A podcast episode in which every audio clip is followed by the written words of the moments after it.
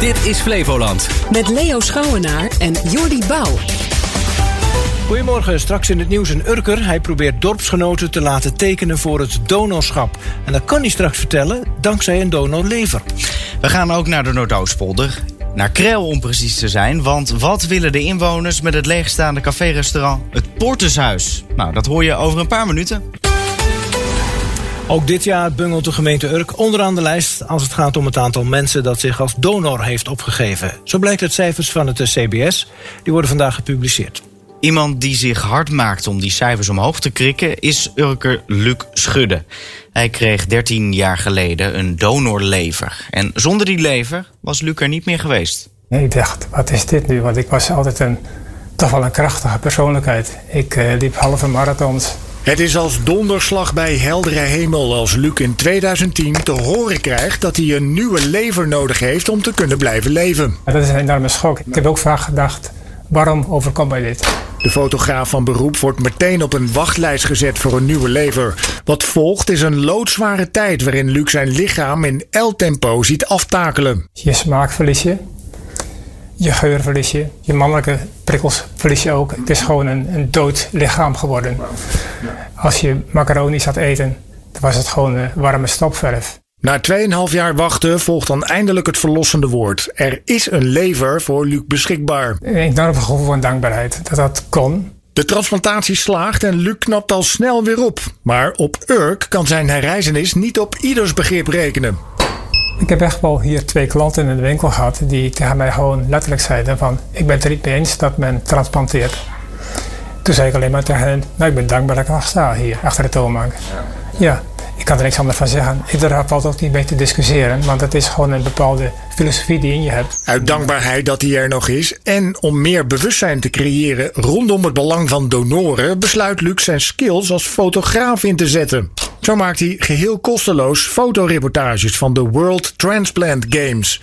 Een soort Olympische Spelen voor sporters die een transplantatie ondergingen. Deze foto maakte ik uh, na de Donor Run. En deze atleet, die is een van de winnaars, die dankte God en zijn donor voor zijn transplantatie wat hij ontvangen had. Ik ben geen sportfotograaf, absoluut niet. Maar ik ben toch wel iemand die iets kan vastleggen waar emoties bij betrokken zijn. En het bijzondere is, daar ben je ook niet speciaal. Je bent allemaal hetzelfde. Er lopen harten, levers, nieren, longen, alles loopt er rond aan organen.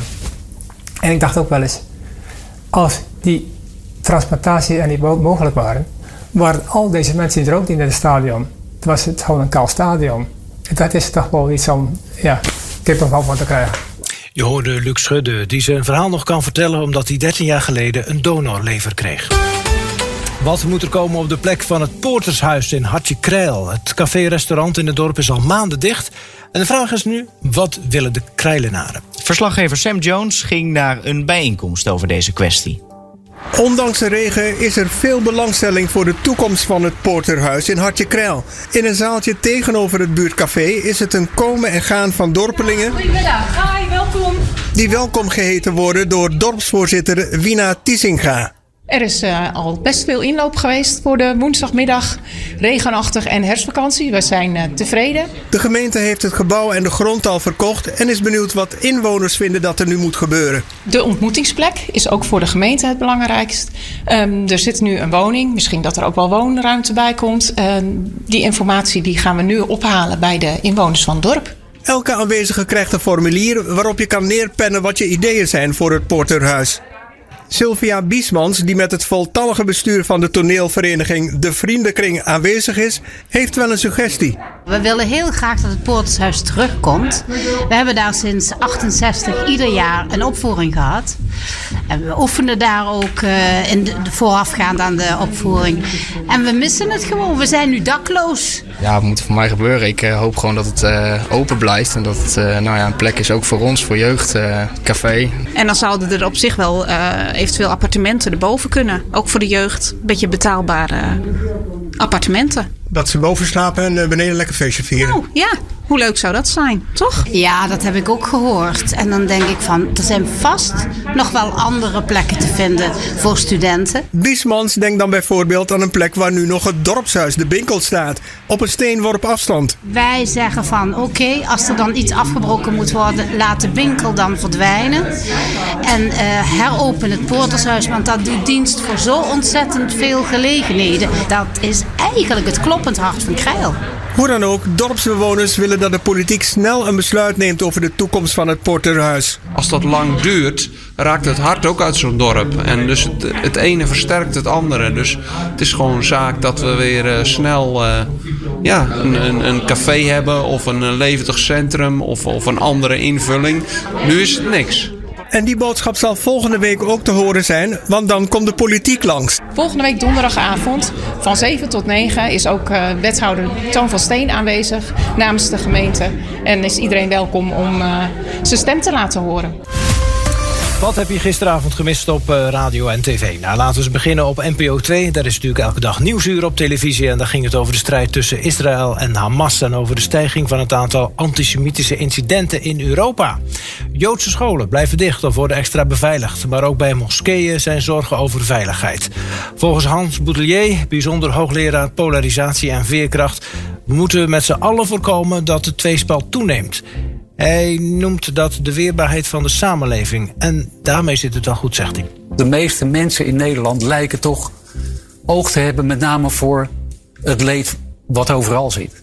Dit is zo'n onwaarschijnlijke hel. Dit is zo'n gewelddadige situatie.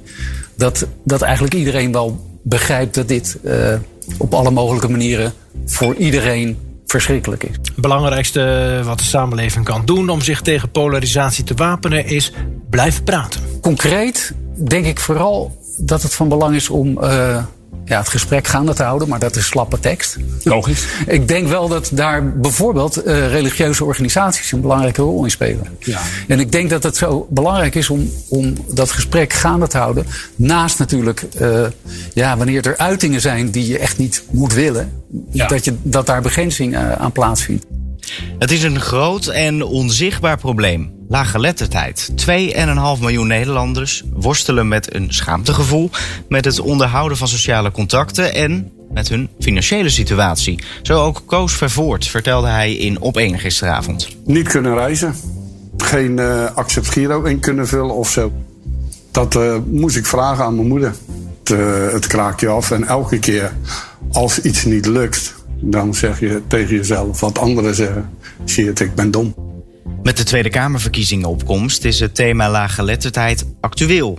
Hans Esbach heeft bijvoorbeeld moeite met het inlezen voor de verkiezingen op de websites van de partijen. Daar worden zoveel moeilijke woorden. Ik vraag mij wel eens af of ze het zelf begrijpen wat ze zeggen.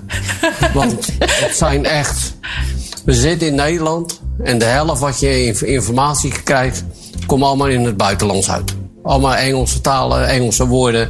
Nou, we hebben moeite met de Nederlandse taal, dus laat staan met een buitenlandse taal. Wat ik wel mooi vind aan Hans is dat hij de moeite neemt om de programma's te gaan lezen. Ja, er zijn nee. natuurlijk hele volkstammen die gaan stemmen zonder ooit een letterverkiezingsprogramma te lezen. Ja, dan heeft hij het natuurlijk over uh, Engelse woorden. Maar, ja. maar soms hoor je ook ingewikkelde Nederlandse woorden. Ik Ja, zat gisteren naar een ja. reclame te kijken van een, van, ja, van een scheermesje.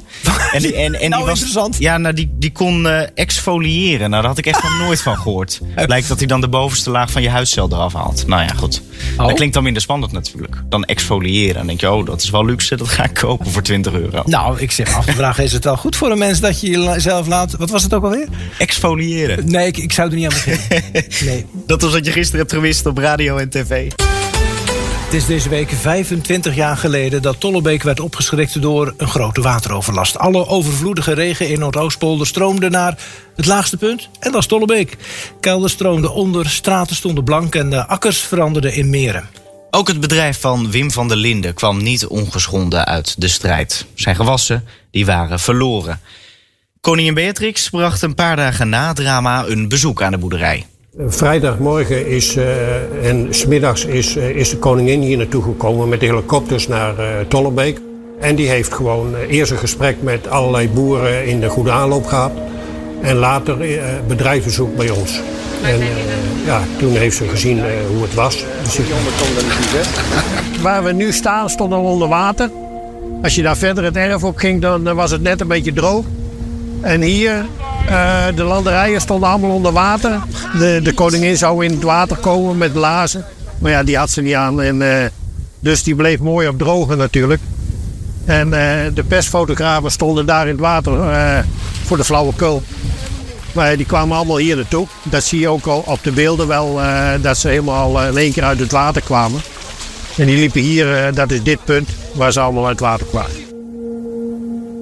Mijn schapen liepen bij Tollebekenbos, naast het Tollebekenbos. En dat, eh, dat weiland was eigenlijk eh, omsloten door tochten. En die tochten gingen overlopen. En er stond een meter water eh, op dat weiland. En ik kwam morgens om uur of half negen, acht uur bij de schapen.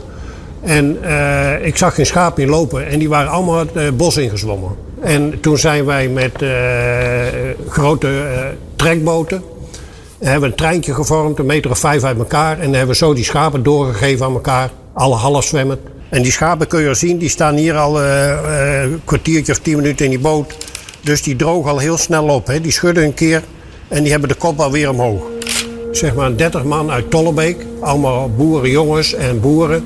Met z'n allen het bos in. Hebben een treintje gevormd, een meter of vijf uit elkaar. En hebben we zo die schapen doorgegeven aan elkaar. Alle half zwemmend. En zo aan het eind eh, stonden mannen vier en die hebben al die schapen in, in, de, in de boten getrokken. En boven, boven water. De kwaliteit is. Ik woon dus hier 40 En ze hadden voor mij een foto in de fotolijst gemaakt van het redden van die schapen. Dus die foto eh, heb ik de koningin eh, aangeboden. En eh, die heeft ze meegenomen. Ja, dat vond ze leuk. Ze was heel vriendelijk en eh, dat ging eigenlijk allemaal heel goed. Ik loop met, met u mee naar de blij dat die gehaald hebben. Toen Ja. toch weer mijn moeder is. Ja, dus ze heeft die foto misschien eh, boven de bureau staan, maar ik denk het niet. Het is eh, nu eigenlijk wel een leuk, af en toe een leuke terugblik natuurlijk.